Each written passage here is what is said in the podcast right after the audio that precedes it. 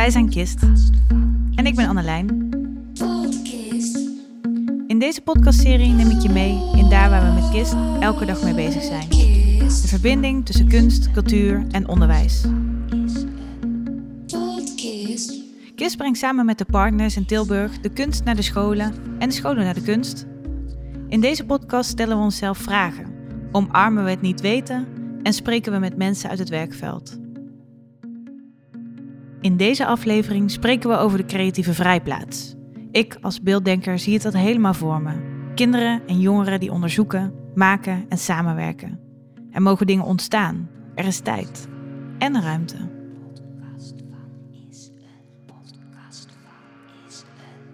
Ik spreek met Frederik Theois. Sinds het voorjaar van 2020 is hij de directeur van Hall of Fame. Oorspronkelijk studeerde hij cognitieve psychologie en neurowetenschappen, maar studeerde af in organisatiepsychologie.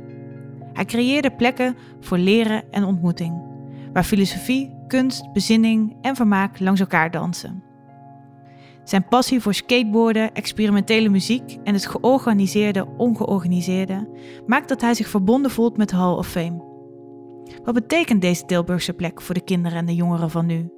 En wat is de waarde van een creatieve vrijplaats binnen en buiten het onderwijs? Nou, welkom. Fijn dat je er bent. Ja, heel fijn om hier te zijn. Ja, nou, we hebben al een aantal mooie gesprekken met elkaar gehad. Wij kennen elkaar uh, uit het Tilburgse veld. Mhm. En uh, toen we met Kist het idee opnamen om een podcast te maken, dachten we al snel aan jou.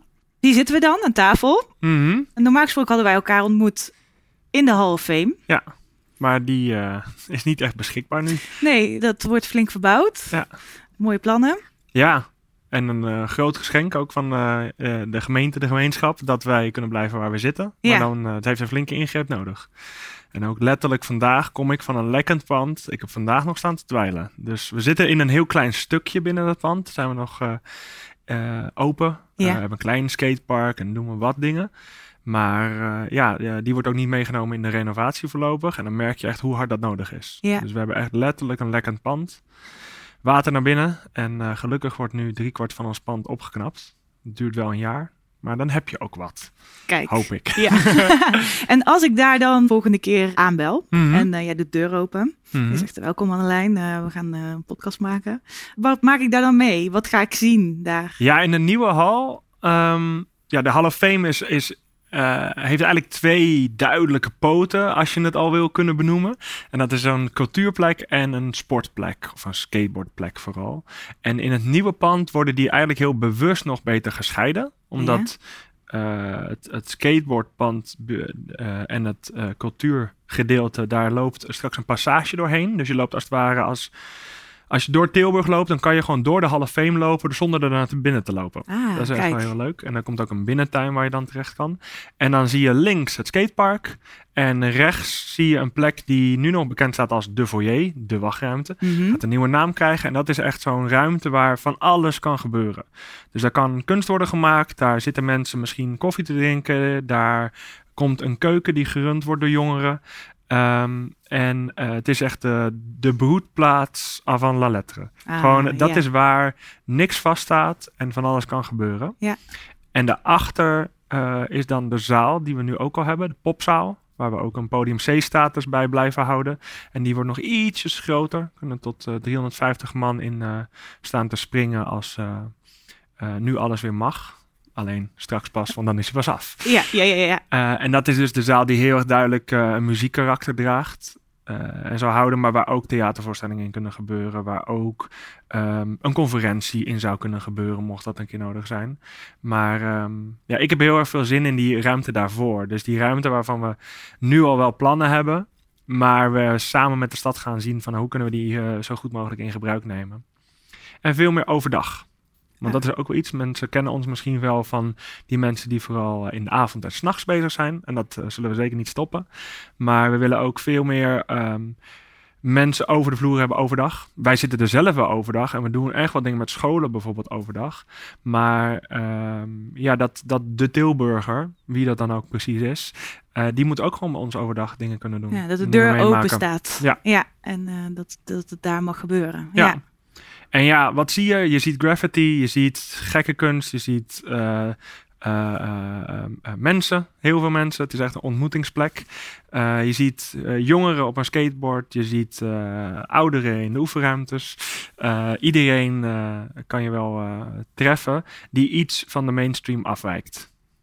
Dat is denk ik waar, het, waar het ophoudt. Ja. Wij, wij bestaan niet om ehm, te doen waar bijvoorbeeld een 013 of een smederij of een eh, bibliotheek voor zijn. Want die zijn er al. Precies, Ja. precies. Ja, want hoe zou Ja. je jezelf daarin in positioneren? Nou ja, het is wel leuk, want wij zijn ook echt deel van wat dan de infrastructuur eh, eh, cultuur wordt genoemd. Wij zijn een basisinstelling cultuur. En dat kwam ook omdat de groep die dat al was, en dat waren de, de groten zoals het theater en de 013 de bibliotheek, die hadden eigenlijk zoiets van, de Hall of Fame is wel deel van de keten. Want dat is waar heel veel mensen beginnen en eh, kunnen experimenteren. Ja. Dus in plaats van dat we dat zien als een, als een plek die niet onwijs veel populatie of zo binnen heeft, niet onwijs... we hebben wel eens duizend man binnen, maar dat is, eh, ja, is één keer per jaar bij wijze Ja, van. ja, ja, ja. ja. Ehm, maar dat is wel deel van de hele keten. Het is wel waar heel veel mensen eh, eh, kunnen optreden als ze nog niet in het theater kunnen staan, bijvoorbeeld. Of waar ze een keer een experimenteel iets kunnen doen op het gebied van theater of acrobatiek of met dans. Dat kan bij ons worden uitgevonden. Dus zo zie ik ook de Hall of Fame in dat Tilburgse. Van, ja, de plaatje, plek waar je dus ja. kan experimenteren. Ja. Waar het niet hoeft te gaan over dat je van tevoren hoeft te verantwoorden eh, wat je daar komt doen. En natuurlijk maken we een plan. Natuurlijk gaan we op zoek van ja, wat heb je nodig.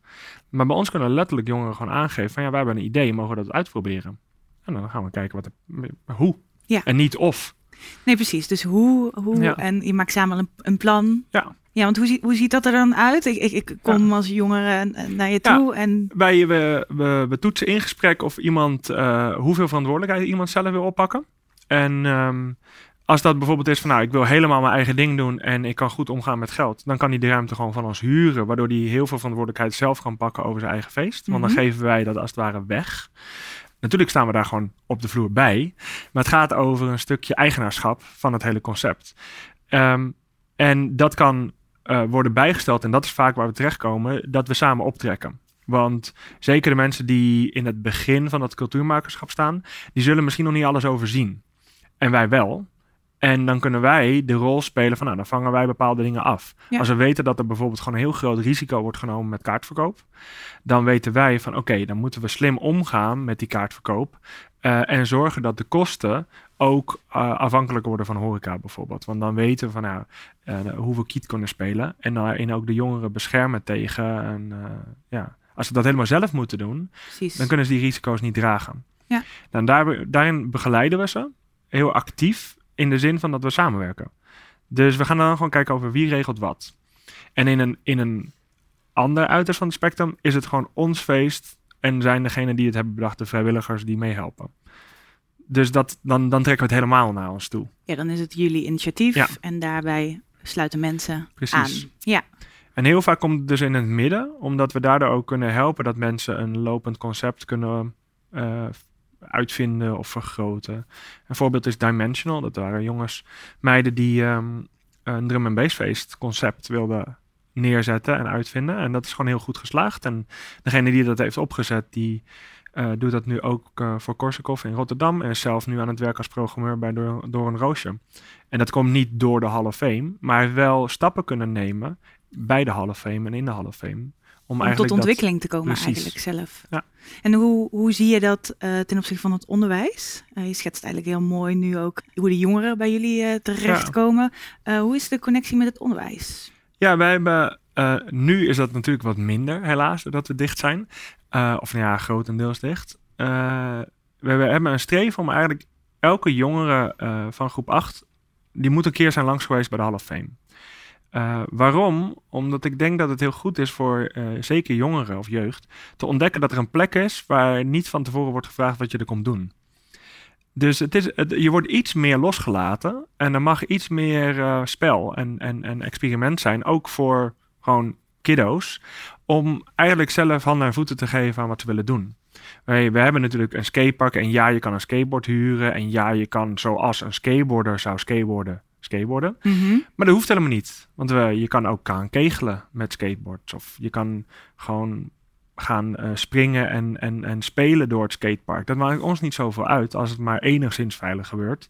Ehm, en dat is aan het skateboardgedeelte. En aan de andere kant hebben we graffiti workshops, uh, rap workshops, om gewoon kennis te maken met een stuk cultuur die anders achter een schermpje blijft vaak. Ja, ja. Ehm, eh, en, en ik denk dat het leuke daaraan is, voor het onderwijs, is dat wij dingen kunnen bieden die het onderwijs zelf niet zo snel zou kunnen bieden. Omdat bij ons werken ze samen met, met die gasten die op straat graffiti spuiten. Vaak legaal. Uh, ze werken met rappers. Uh, en dat zijn natuurlijk docenten die je niet zo heel snel in je school hebt. Nee, dat zijn echt de mensen die op plekken zoals in Hall of Fame echt aan het leven zijn ook. hè? Dat gaat meer over het leven. Niet per se over docent zijn of over in een bepaalde rol staan. Ja. Uh, maar ja, dat gaat wel over een, vrijere manier van expertise overdragen. Ja, en er zit ook wat minder een, uh, een curriculum natuurlijk aan. Ja, je hoeft niet te voldoen aan een, uh, een leertraject maar vooral mensen kennis laten maken. En dat is denk ik de luxe die wij hebben. Want als ik kijk naar onderwijs en hoeveel er op de schouders ligt van uh, leerkrachten, dan is dat ook niet niks. Want je moet heel veel voor doen. Je moet heel veel uh, verantwoording afdragen als leerkracht. En je moet echt ervoor zorgen dat het niet aan jou heeft gelegen als iemand achterloopt. Ja, dat lijkt me onwijs uh, stress geven. En ik besef me heel goed dat wij dat niet hebben. Dat willen we ook niet. Nee. En dat is uh, het zou mooi zijn als het onderwijs dat meer weet te benutten. Ja. In de zin van, ja, bij ons kunnen we die ruimte geven aan jeugd, maar ook natuurlijk aan pubers, om ja, uit de rust en uit speelsheid eigenlijk de wereld te ontdekken. En ik denk, als we fixeren richting docenten of wat we doen, dan vergeten we dat we in een heel karaktervol pand zijn met karaktervolle mensen. Het is ook een soort, je stapt een wereld binnen die heel anders is dan een school. Ja, ja, Letterlijk, precies. zeg maar, de muren zijn ondergeklad. Je ziet dat mensen eigenaarschap hebben genomen over het pand heen. En dat is natuurlijk iets waarin we in onze um, ja, nogal clean maatschappij steeds minder plek voor hebben. En dat heeft een goede kant. Het, het ziet er opgeruimd uit. uh, maar de andere kant is dat als stedeling vooral... zijn er heel weinig plekken die van jou zijn. Als, als, als je in een dorp woont, is dat al een stuk meer dan zijn er nog plekken van de mensen die daar wonen. En in de stad zijn de meeste plekken waar je komt, zijn niet van jou. Of je hebt, niet het, je, je hebt het gevoel dat je ergens op bezoek bent. En dat je vooral je moet gedragen als gast. Terwijl bij ons is dat net iets anders. Heel veel gasten laten dingen achter bij ons. Als, ik zag het nog van de week, was er een concert en er zaten een paar jongens toch stiekem zo op een kluisje te kladderen ja, de, we Toch even de handtekening ja, in plaats. Toch even een, een, een, plek geclaimd. En dan kan je iets van vinden, oh, vandalisme, bla bla. Nee, maar dat, dat, ik zie daar iets anders in. En dat is dat jongeren, en dan heb ik het vooral over zeg maar de, de 13-plussers of zo, die willen hun claim leggen op hun omgeving. En dat is heel natuurlijk volgens mij. En dat, um, dat, dat wordt op vele manieren, kan je dat faciliteren, denk ik. En dan is een duidelijke plek daarvoor. Ja, ja. Nou, je, je maakt eigenlijk een heel mooi bruggetje uh, naar, naar de vraag uh, die we in dit gesprek uh, met elkaar. het lijkt net alsof we het voor hebben bereid. Zou het? een mooie brug naar de, naar de vraag die, die we met elkaar gaan, gaan bespreken. Want wij van het KIST, wij, wij zien natuurlijk ook heel veel gebeuren in de stad. We hebben veel connecties met het onderwijs, met het culturele veld. En we zijn heel erg bezig met hoe kunnen we kinderen en jongeren van nu uh, binnen en buiten de onderwijssystemen meer op een vrije manier in aanraking laten komen met kunst en cultuur. Nou mm. ja, je, je was me al, uh, al voor, want uh, we, we, spreken daar net al, al een stuk over. Maar ik, ik, ik ben wel echt um, heel erg zoekend naar, um, ja, hoe, naar de hoe. We weten dat dat, dat vrije leren uh, heel erg van belang kan zijn voor uh, de ontwikkeling van jongeren. Um, maar we zien tegelijkertijd in de onderwijssystemen dat het allemaal heel erg afgebakend ja. is. Kunst, cultuur, uh, dat wordt in een mooie vorm gegoten, wat eigenlijk ja, rond is, kant-en-klaar is. Een ontmoeting met kunst laat zich niet sturen. Daar moet schuring komen, daar mm. moet verwondering ontstaan. Wij zoeken in ons werk ook naar hoe werkt het systeem en hoe kunnen we daar ook soms uit losbreken of hoe kunnen we dat met elkaar verenigen, uh, zo'n vrije plek en het onderwijssysteem. Ja. En ja, dat is wel een ding wat ons in ieder geval heel erg triggert. Hoe kijk jij daarnaar? Dat binnen- en dat buiten onderwijssysteem? -hmm. Ja, echt een prachtige vraag. En daarom was ik ook heel blij om hiervoor te worden uitgenodigd. Want ik heb absoluut niet een, een helder antwoord. Dus het is denk ik ook de, de zoektocht in dit gesprek om daar handen en voeten aan te geven. Ehm, ik denk wel, in mijn voorbereiding, ik, ik heb, hoe ik me heb voorbereid, ook voor de luisteraar, want ik heb hier een hoop papier voor me liggen, is niet omdat ik daarvan af ga lezen, maar meer omdat ik denk creativiteit, onderwijs zijn twee hele grote begrippen. Dus ik heb zelf even gewoon gezeten met die begrippen van wat betekenen ze nou eigenlijk? Ja. En daar, daar kan je natuurlijk uh, eh, 80 uur over volpraten. Absoluut, Alleen al over die begrippen. helemaal op los filosoferen. Ja. ja. Ja, Maar wat ik wel zag is, eh, en dan, dan overdrijf ik. Hè? Dus dat, dat is al een gegeven. We gaan eh, ver- vereenvoudigen in dit gesprek. We gaan absoluut geen recht doen aan eh, de breedte van onderwijs en de, en de breedte van creativiteit. Maar ik zag wel heel duidelijk dat creativiteit is per definitie afwijkend van de norm. Want je, je, je vertrekpunt is heel anders. Je vertrekt vanuit dat je niet weet. En je vertrekt vanuit dat je ook nergens aan wil voldoen. Je wil misschien een statement maken. En dan kan je van een soort van vermaak tot aan iets. eh sens, een soort van transcendentie. Eh, maar het is allemaal een vorm van statement of expressie. Dat kan je doel zijn. Maar je vertrekt vanuit dat je niet wil voldoen aan iets. Want anders ben je gewoon met productie bezig. En dat is niet creatief. Dat is iets volgen. Ja. Terwijl onderwijs in de zwart-wit versie van onderwijs is mensen klaarstomen voor eh, het leven aankunnen. Dus een soort van opvoedkundig iets. En tevens in onze wereld denk ik een heel erg economisch iets. Mensen moeten klaar zijn om te kunnen werken. En eh, volgens mij is dat heel erg aan het veranderen. En als ik kijk naar die 21st century skills, dan zie je al veel meer creatieve vaardigheden eigenlijk in het onderwijs terugkomen. Maar nog steeds is het doel, hoe kunnen we ervoor zorgen dat iemand niet op zijn bek gaat? Terwijl bij kunst zou je kunnen zeggen, als ik op mijn bek ga, maakt het me niet uit. En die, die ehm, vertrekpunten zijn dus per definitie anders. Dat is een van de dingen waar ik op kwam in mijn eh, voorbereiding. Van nou, ik denk dat het goed is om dat te beseffen. En dat is oké. Dus Ja. het een hoeft het ander niet te zijn. Precies. Ja, het mag, mag naast elkaar bestaan. Hè? En als je Ja. dan zegt als onderwijzer, ik zie graag een plek in mijn onderwijs voor creativiteit, dan ben je met een onwijs moeilijk iets bezig. Want je zegt dus eigenlijk, nou, ik wil binnen het iemand klaarstormen voor de norm iets normvrijs. Ja. En als je ook nog vraagt hoe, is dat heel moeilijk. Ehm, maar ik denk dat daarin ook wel handvatten kunnen liggen. Dus je kan, ik denk dat een van de voorwaarden om het in te bouwen is, eh, je gaat niet mensen beoordelen op de ontmoeting. En toen ik zelf op de middelbare school zat, had ik het geluk dat ik niet CKV in mijn pakket had. Want ik had KCV, want ik deed gymnasium. En met KCV doe je hele andere dingen. Maar ik, ik zag aan mijn studie, of mijn middelbare schoolgenoten, dat zij, zij moesten allerlei dingen vinden van wat ze meemaakten. En dat voelde toch ergens als een beoordeling. Terwijl ze, ze moesten dan ook naar dingen toe die ze eigenlijk niet zelf zouden ondernemen. Terwijl, ja, ik ben dan benieuwd van wat ondernemen ze uit zichzelf, wat ze als kunstzinnig of cultureel zouden ervaren. Ik- Dus ik denk dat dat iets is om zo direct nog verder over door te gaan. En iets anders is, ehm, wil je een aanraking met kunst als object, dus het consumeren van kunst, of wil je kunstzinnig zijn? Dat is een mooie vraag. Ja, ja. En, en dat zijn ook twee verschillende dingen. absoluut. Waarin je de ene, dan neem je iets tot je, wat iemand anders heeft gemaakt. En het, bij het andere ben je dus zelf in een proces. eh, wat heel anders is dan iets produceren of iets eh, beoordelends gaan maken. En ik denk dat daar ligt een spanningsveld voor de, voor de docenten die meer in de eh beeldende vorming bijvoorbeeld zitten. Die zitten in een curriculum waarin ze zowel mensen met kunst in aanraking moeten laten komen, als dat ze enige kunstzinnigheid moeten creëren en een curri- curriculum moeten Moet volgen. Ja.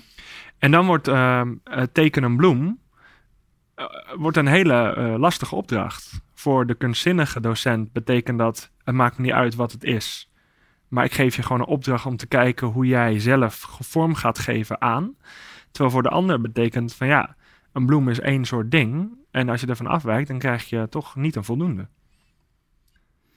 Dus die twee eh, routes kunnen we een beetje pakken. Van nou, creativiteit en onderwijs als een soort zwart-wit Mhm. staan tegenover elkaar. Of, of en, eh, kunst consumeren of kunstzinnig leven? Mooie Ja. onderwerpen, denk ik, om eens vast te grijpen. Daarnaast ben ik ook heel nieuwsgierig in hoe we dan die letterlijke vrijplaats, waar we het natuurlijk ook over hebben, Mhm. hoe we die dan ook in dat plaatje zien. Ja.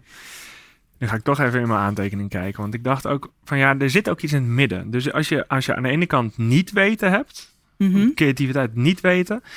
En het weten, het onderwijs. Dus dan weet je dingen en je moet dingen gaan weten en dan ben je er klaar voor. Daartussenin zit een soort zoeken.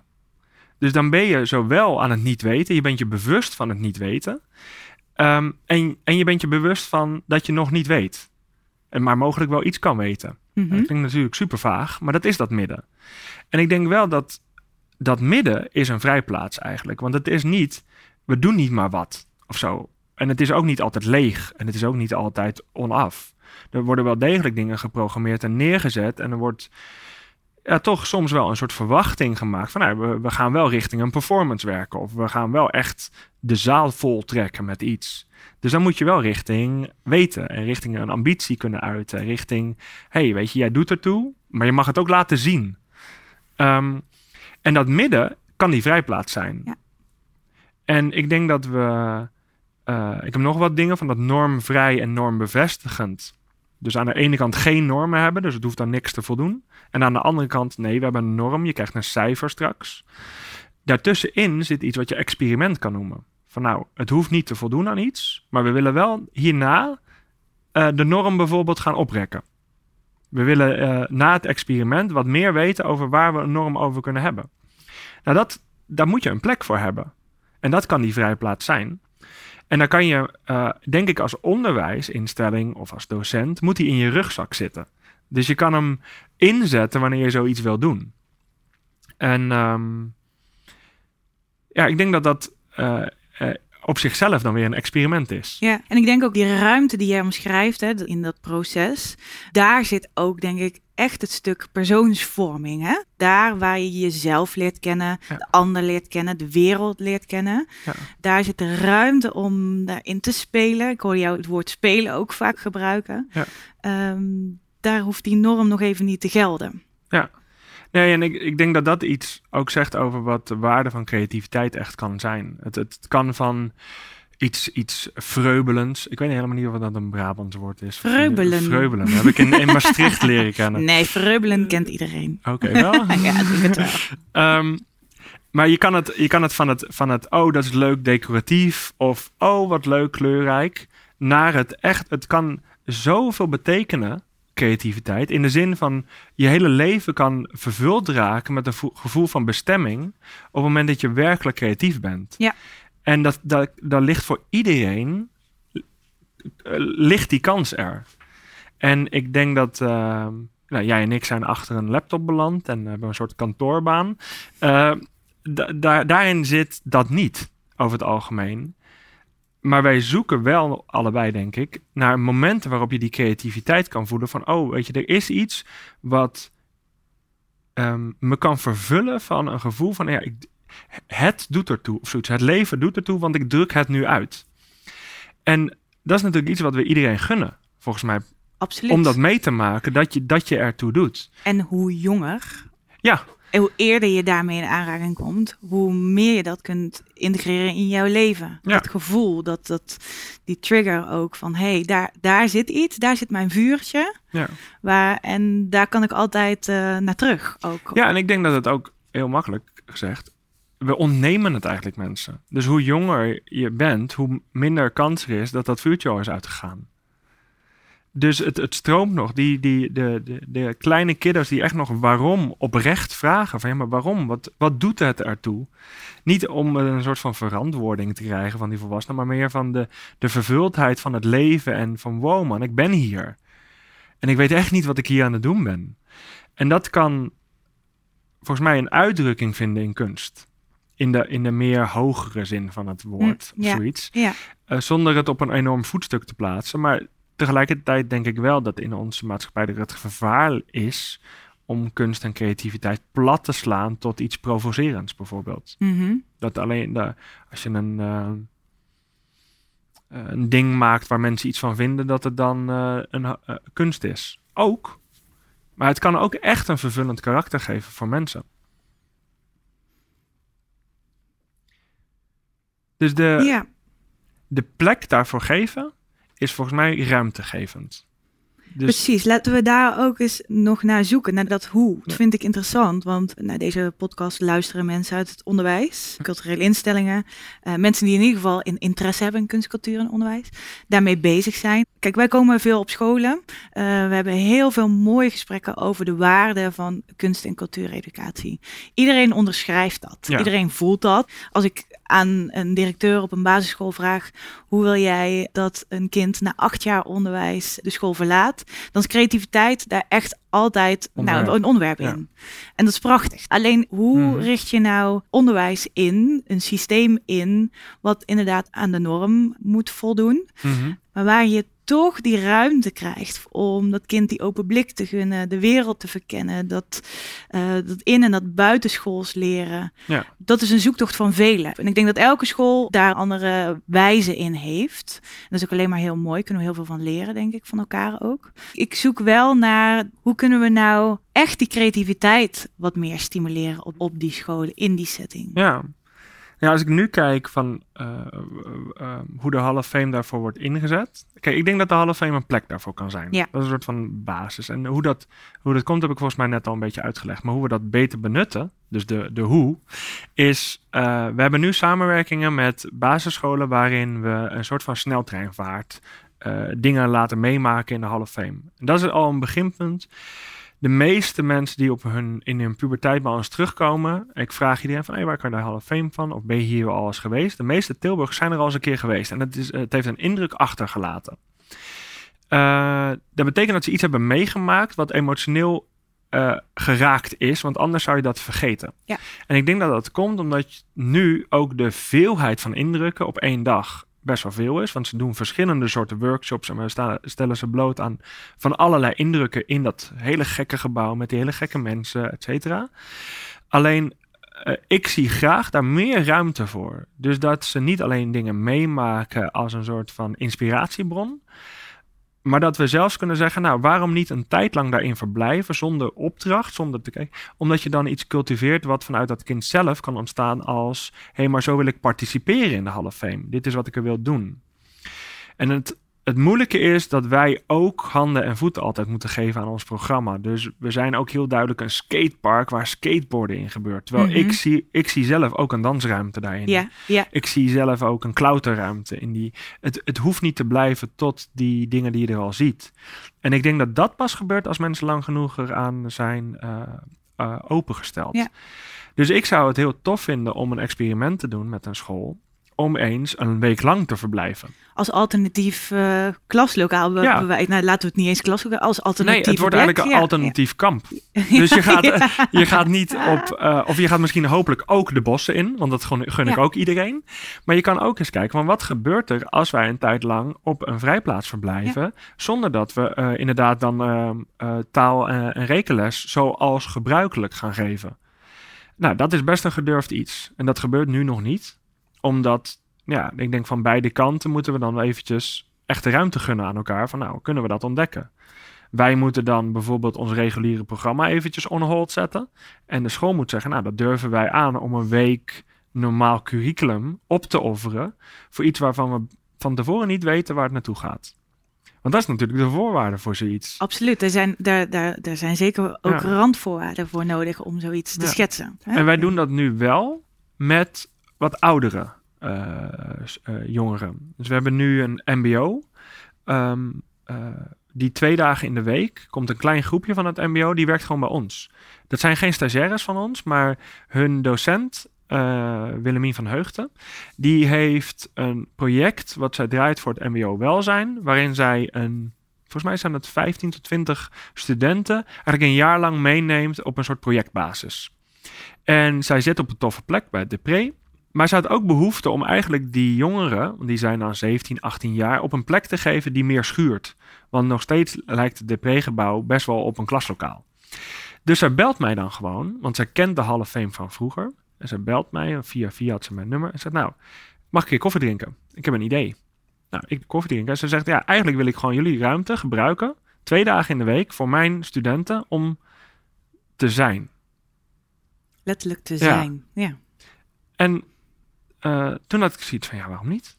Dat moet gewoon kunnen. En natuurlijk hebben wij soms iets te doen en moeten ze aan de kant. Maar dat, dat geldt ook voor onze medewerkers. Ja. Want die werken op diezelfde plek. Dus ik heb met hen afgesproken. Dus ze zitten nu twee dagen in de week in ons skatecafé. Zij doen gewoon helemaal hun eigen ding. Ik heb geen enkele eh, verwachting dat ze iets voor ons doen. Maar nu al is een van hun vrijwilliger geworden bij ons. dus uh, omdat ze op die plek zijn. Ja. ja, want wat zie jij gebeuren bij die jongeren? Wat gebeurt er op het moment dat zij... Dat zij er, ja, precies. Zij kunnen gewoon daar zitten. en eventjes niet in die, oh shit, ik moet iets doen modus. Mhm. En dat klinkt als alsof je luiheid eh, bevordert. Maar het is volgens mij vanuit die ontspannen staat van zijn dat er iets kan ontstaan wat jij zelf wil. Waardoor je ook intrinsiek gemotiveerd raakt. Hè? Mooie woorden. Maar dat ontstaat pas als je niet onder druk alleen maar dingen moet doen. En zij mogen dus zelf, en dat is wel goed aan Willemien, want zij heeft dat project zo vormgegeven dat zij verantwoording aan haar moeten afdragen en zij aan het ROC. Um, uh, de, zij mogen zelf met projecten komen. En uh, wij, ze zijn er nu een week of vier. En vorige week schoten Willem, uh, afgelopen dinsdag, gisteren, schoten uh, Willemine en ik al een beetje in die reflex van... hey, waar werken ze naartoe? En dat merkte ik in mezelf op. En toen heb ik tegen haar gezegd... weet trouwens even dat dat wel een vraag voor mij is die leeft. Maar wat mij betreft spreken we nog niks af. Je houdt die ruimte, je houdt die rust. Ze hoeven nog steeds niks voor ons te doen. Maar we gaan gewoon kijken wat gebeurt er op het moment dat ze hier zijn. Ze maken dingen mee. Ze, hebben, ze nodigen andere studenten over de vloer. Ze zien de skateboarders die langskomen. Want toevallig is dat dan de plek waar ze in zitten. Ze zien onze medewerkers. Ze, ze zitten soms bij vergaderingen die wij ook hebben. Met, de, met, dan, zit, dan hebben we een grote meeting. Zeg, kom er gewoon bij zitten. Maakt ons niet uit. Ja. En zo maken zij dingen mee die anders alleen maar vanuit een bedacht scenario zouden komen. En ik ben dus benieuwd wat daaruit komt. En uh, ik vind het een voorbeeld van hoe je dat zou kunnen doen met basisschoolkinderen. En dan, dan doe je dat heel anders. Hè? Want deze mensen zijn wel gewend aan een stukje uh, professionaliteit, om het zo even te noemen.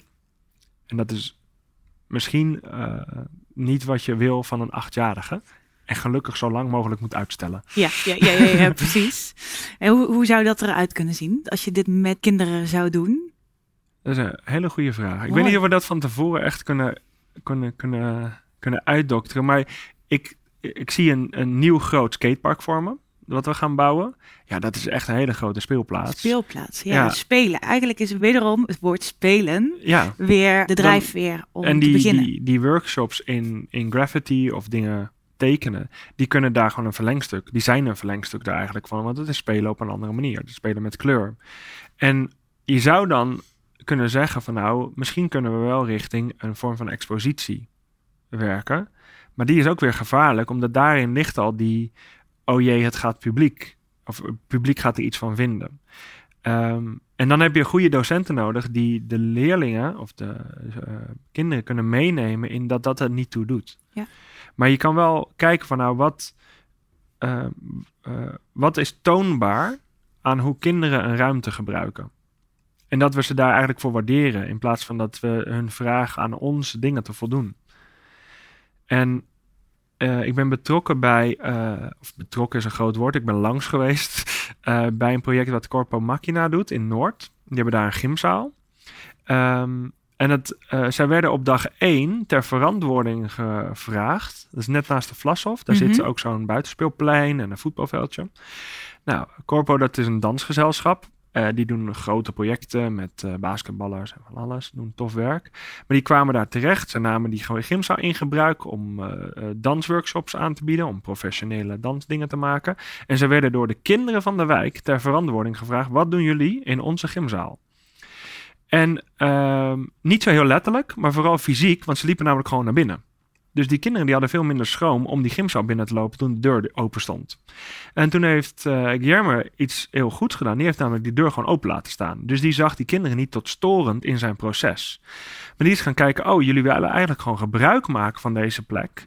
Maar ja, wij zijn hier ook.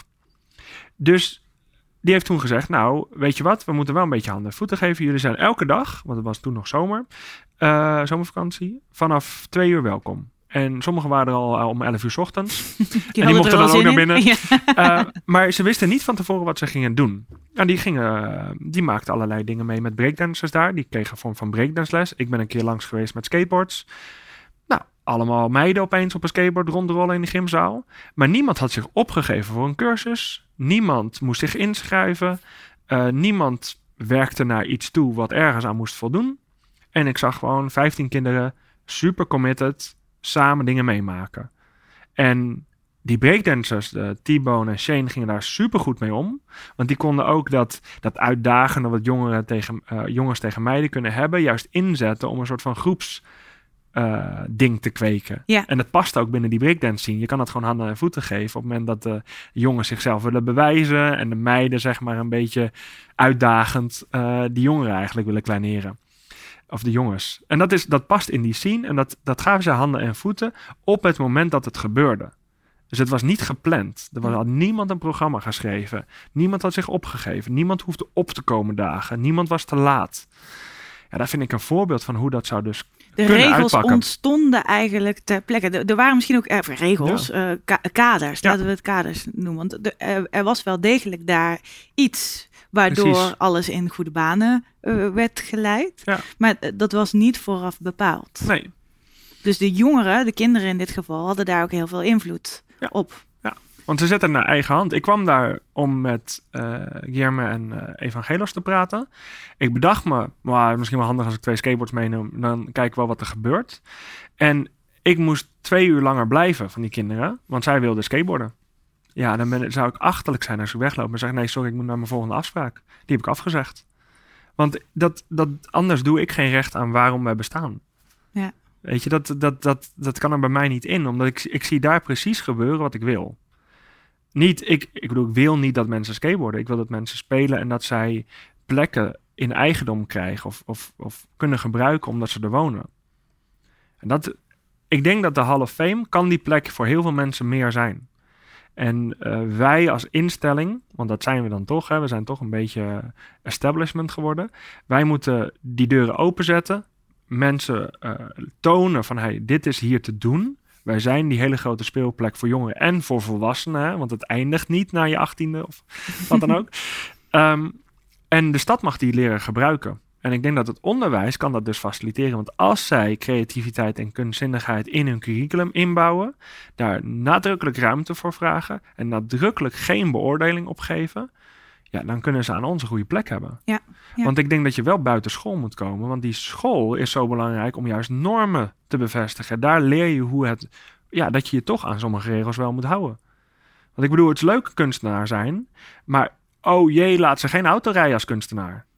Weet je, het zou wel heel stom worden als iedereen normvrij gaat autorijden. Je hebt gewoon regels in sommige segmenten van de maatschappij. Maar als iedereen zich altijd aan de regels houdt, ja, dan wordt het echt heel saai.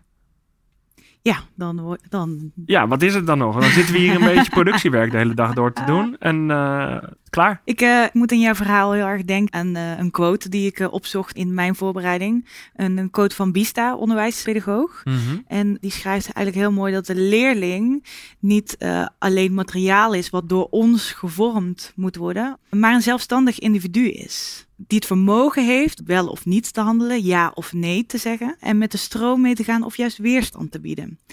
De uitdaging die daar voor ieder mens ligt, is om goede omgang met de vrijheid die we bij onszelf aantreffen tot stand te brengen. En daarbij gaat het niet om de vorming van de persoon op basis van voorafgestelde doelen, het socialiseren, maar het gaat om het ondersteunen van kinderen en jongeren om als vrij, verantwoordelijk en volwassen subject in de wereld te willen staan. Subjectificatie noemt hij dat. Dat laatste, hè, dat je kinderen en jongeren als vrijdenkend mens in de wereld wil zetten en daar als professional ook alles aan wil doen om dat bij dat kind uh, ja. teweeg te brengen. Mm -hmm.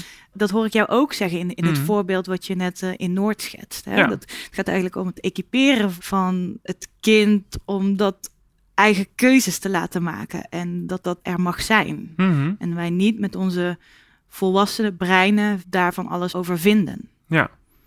Ja, en het, misschien een, een, een, begrip wat ik daaraan wil koppelen, waar ik op kwam in, de, in mijn voorbereiding, is nabijheid.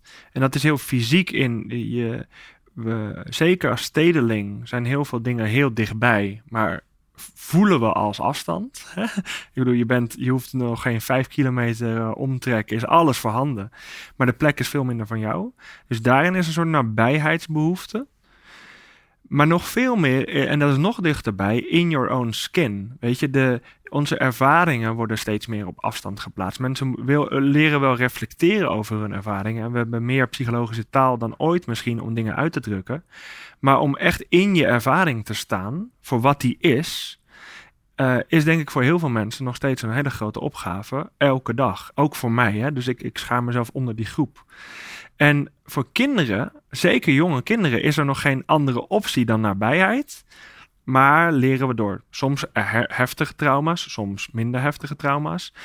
Soms gewoon doordat we moeten voldoen aan eh, gebruiken van volwassenen, leren we onszelf op afstand ervaren.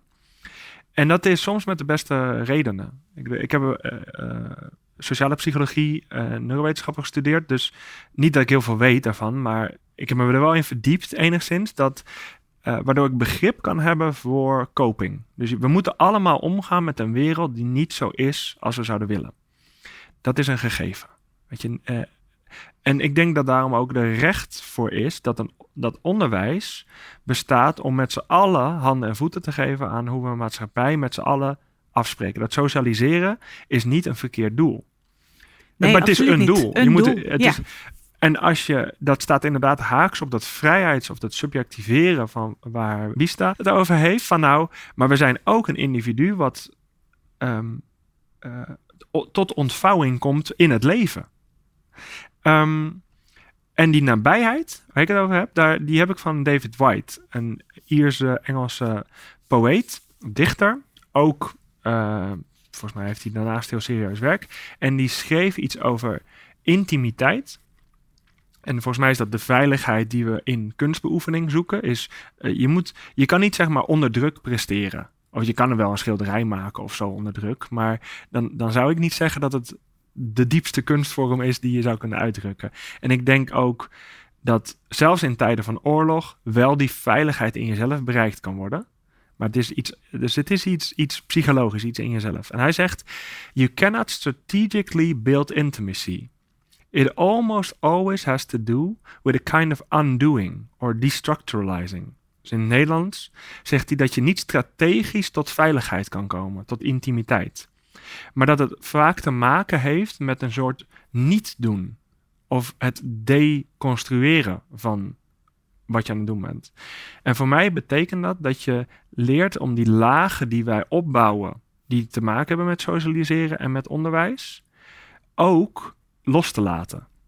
Dus die gaan hand in hand. Het is niet dat ze altijd afwezig moeten zijn. Want op het moment dat ik, als iemand tegen mij staat te schreeuwen of, of ik moet omgaan met een, een heftige situatie, is het best wel fijn dat ik niet als een week pulserend essentie uh, tabula rasa daar zo in het niets uh, sta te mediteren. Maar dat ik, hupsakee, omga met de situatie zoals die is. Ja, Voor, me, voor al- mezelf leer opkomen. Ja. Ook al is dat een aangeleerd iets. Maar op het moment dat ik nabijheid wil ervaren met mijn omgeving, met mezelf, iets wil uitdrukken waar erkenning in zit van mij over mezelf met mijn wereld, dan is het dus kennelijk nodig dat ik dat loslaat. En eh, die, die veiligheid heeft denk ik voor kinderen heel erg te maken met hoe veilig zijn de volwassenen die om die kinderen heen staan om dat los te laten. Want die kinderen zijn dat al, tot een zekere hoogte. Want ze hebben geen, die, die normen gelden nog steeds minder. En die hebben volwassenen om zich heen nodig, die, die soms doen alsof die dingen heel belangrijk zijn. Maar ze ook kunnen loslaten. Ja.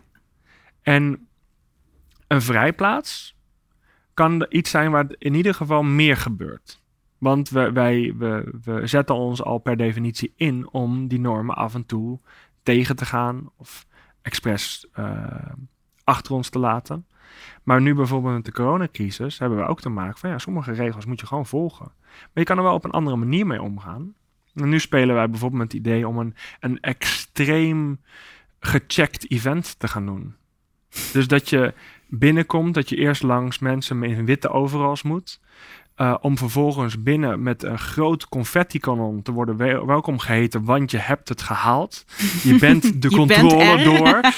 Um, om eigenlijk met een vergroting, want dat is natuurlijk een andere techniek die die kunstenaar heeft, de, de um, heftigheid van wat we onszelf op de hals halen uh, te laten zien. Maar wel te praktiseren, hè? want we willen wel met z'n allen de gezondheidsveiligheid nu inbouwen in de maatschappij. Maar hij, hij heeft enorme afbreuk gedaan aan waar we als sector vertrouwen altijd heel groot hadden. Wij moeten nu iedereen checken die bij ons binnenkomt. Dat staat haaks op waar, waar, waar we voor zijn. Maar we moeten wel. We kunnen er wel een hele grote grap van maken. Weet je, dus dan speel je tenminste met het gegeven. Uh, nou, dat even als voorbeeld van dat ontstaat pas op momenten dat je ook een beetje kan lachen om die norm en daarmee kan gaan spelen. Dus dat je meer loslaat. Ja, dat je afstand kunt nemen daarvan. Ja. ja. Dus afstand en nabijheid is ook een spel, denk ik, wat in de vrijplaats veel meer um, ruimte krijgt. En waar in het onderwijs, om het maar even te chargeren, juist um, de afstandelijkheid van normen heel belangrijk is. Dus je moet daar voldoen aan iets, dat is belangrijk. En je moet ook in jezelf eigenlijk niet een volledige vaagheid de hele tijd zijn. Nee, je, moet, je wil ook een, een kind op zijn twaalfde kunnen zeggen wat hij waard is en waar hij wel goed in is en waar niet. Ik uh, bedacht me net tijdens dat jij uh, sprak dat we het eigenlijk nu over twee typen vrijplaatsen hebben. We hebben het over een vrijplaats in jezelf, hè? Hmm. het zoeken van creativiteit en daar ook de ruimte in voelen om, uh, nou, om daar te onderzoeken en te experimenteren. En we hebben het over een creatieve vrijplaats ook als, als plek, plek ja. als fysieke plek om naartoe te gaan waar hele andere regels gelden dan daar waar je vandaan komt. Mooi gezegd. En de docent op school kan ook de vrijplaats in zichzelf, zeg maar, meenemen de klas in. Ja. Dat zou heel mooi zijn.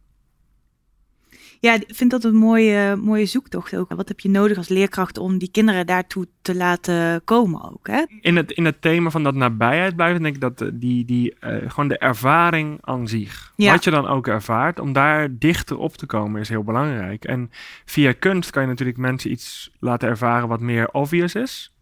Um, maar nog steeds niet af. Het, het stopt niet met een, uh, een, schilderij van Van Gogh kunnen beschrijven en zeggen, nou, hij heeft blauw gebruikt en het is uh, mooi stralend of wat dan ook. Maar wat, wat zet het aan in jou, wordt iets makkelijker toegankelijk op het moment dat je voor een, bijvoorbeeld een schilderij staat. Op het moment dat je muziek meemaakt, is het meer vloeibaar en word je meegenomen en stopt het op een gegeven moment. Maar dan kan er iets doorklinken wat in die vrijplaats van het individu eigenlijk...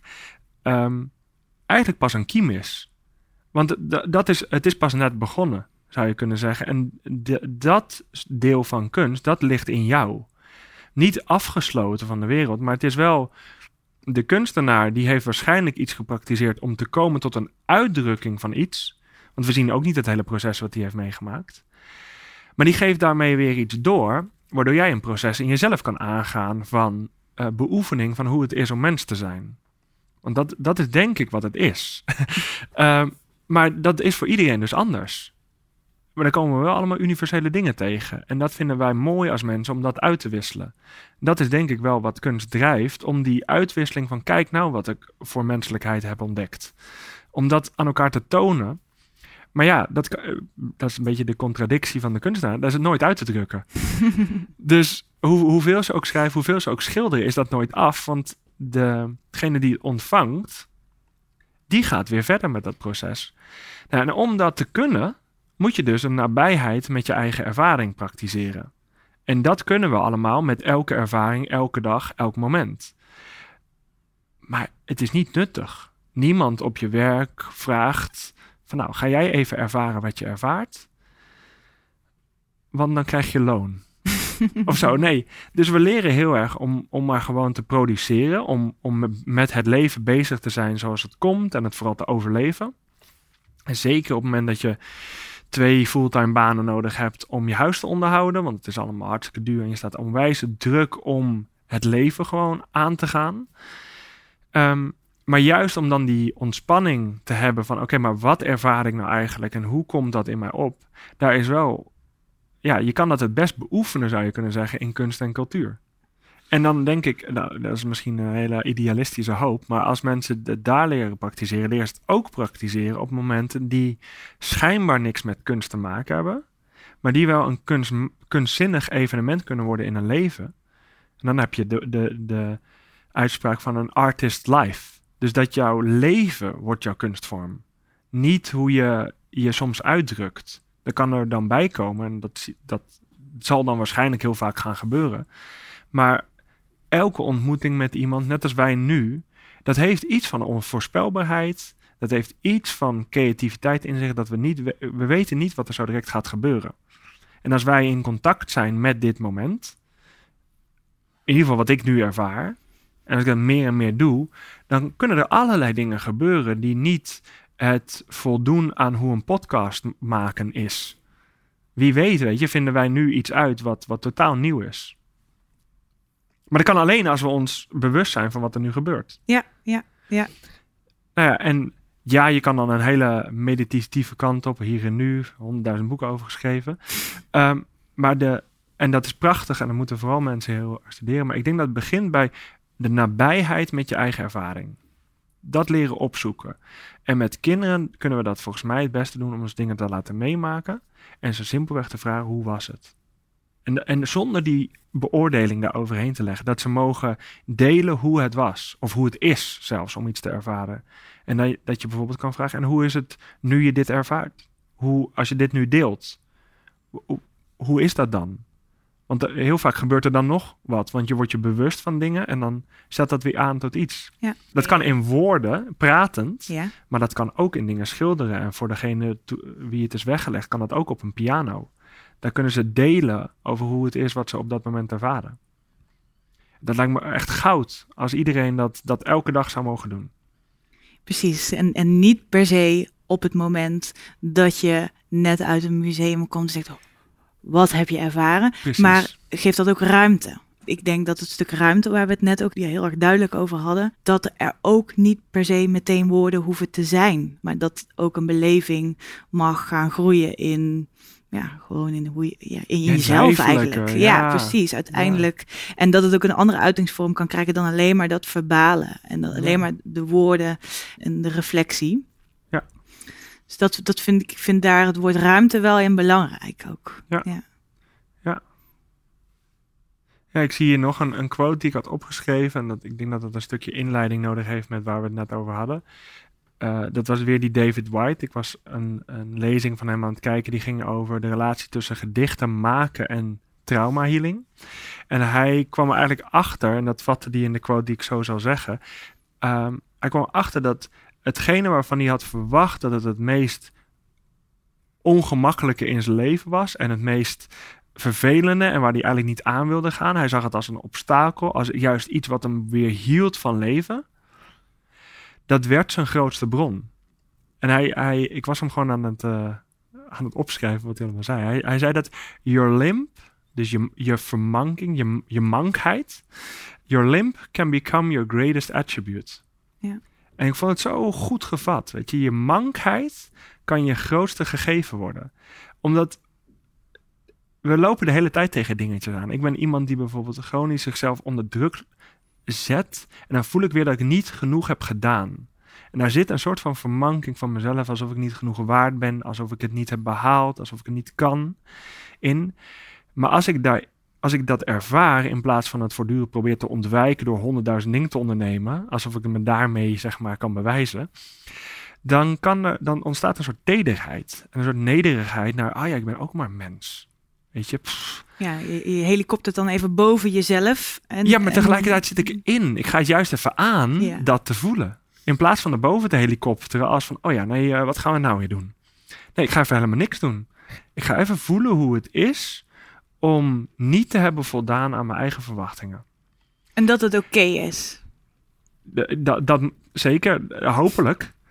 dat, dat zelfs zit nog heel veel twijfel aan soms. Ja, En dan soms schrijf ik dingen waarvan ik denk, ja, maar dit vertelt echt iets over mij en over hoe ik het leven zie. Het legt het niet uit, het verklaart het niet, het maakt het niet beter. Maar het is veel meer nabijheid zit daarin, veel meer tastbaar van, oh ja, maar dit, dit is... Als ik die woorden lees, dan hoor ik mezelf, in plaats van alsof ik het voor iemand anders heb geschreven. En dat, vind ik mooi aan die, hoe die David daarover vertelt, dat ook hij daarachter is gekomen. En hij geeft het zo goede woorden. Ja. Your limb can become your greatest attribute. En dat staat natuurlijk echt haaks op wat we in het onderwijs willen. Want daarin moet je juist je, je, jezelf verwerven en, en gewoon de dingen waar je goed in bent, moet je op investeren. En, en oké, weet je, misschien ben je slecht in wiskunde, nou, dan kunnen we dat een beetje lappen. En dan overleef je gewoon de middelbare schooltijd, omdat je dan wiskunde A1 kan doen. Maar, maar je bent een, een alfa en dan kan je richting cultuurwetenschappen of zo. Ehm, en dat is denk ik ook goed. Maar als je echt wil leven, dan moet je dus leren om die ervaringen aan te gaan, ook wanneer het tegenzit. En wanneer je ervaart van ja, maar ik zit mezelf echt onwijs in de weg. Ja. En ik, ik bedoel, ik heb een, een, eh, een leven waarin ik heel veel ben gegund en heel weinig trauma's heb meegemaakt.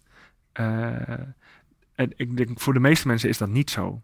Dus daarin zitten ook gewoon dingen die echt, echt heftig zijn geweest. En we moeten met z'n allen, denk ik, vaardigheden creëren om dat handen en voeten te geven. Niet om het uit te dokteren en om te verklaren. En natuurlijk zijn psychologen goed, maar de beste psychologen die laten dat, dat het verhaal deel wordt van jouw menselijke ervaring. In plaats van dat je het gevoel hebt dat jou iets is misdaan en dat je daardoor verkeerd bent geworden en kapot. Nee, het kan, het kan een bron worden van juist iets toevoegen aan al onze menselijke ervaring. En dat begint, denk ik, heel jong. Met voorbeelden om ons heen van mensen die het leven recht in de ogen aanstaren. Het gaat over leren leven eigenlijk. Ja. ja. ja. En laten we zeggen dat dat soms gebeurt bij de Hall of Fame. natuurlijk niet elke dag, niet de hele tijd. De vrijplaats in deze wereld, en de Hall of Fame is er één van, kan die plekken zijn waar je dit soort dingen kan meemaken. En dat er gewoon iemand naast je staat die zegt: hey, weet je, hoe is het? Ja. Hoe is het om hier nu te zijn? We staan onwijs open voor, voor onderwijs om daarmee uit te vinden hoe we die, uh, hoe we die ervaringen creëren.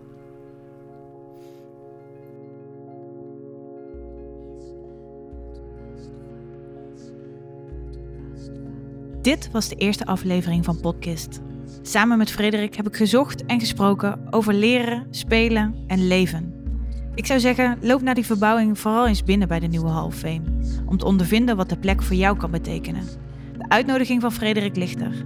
Hun deur staat open.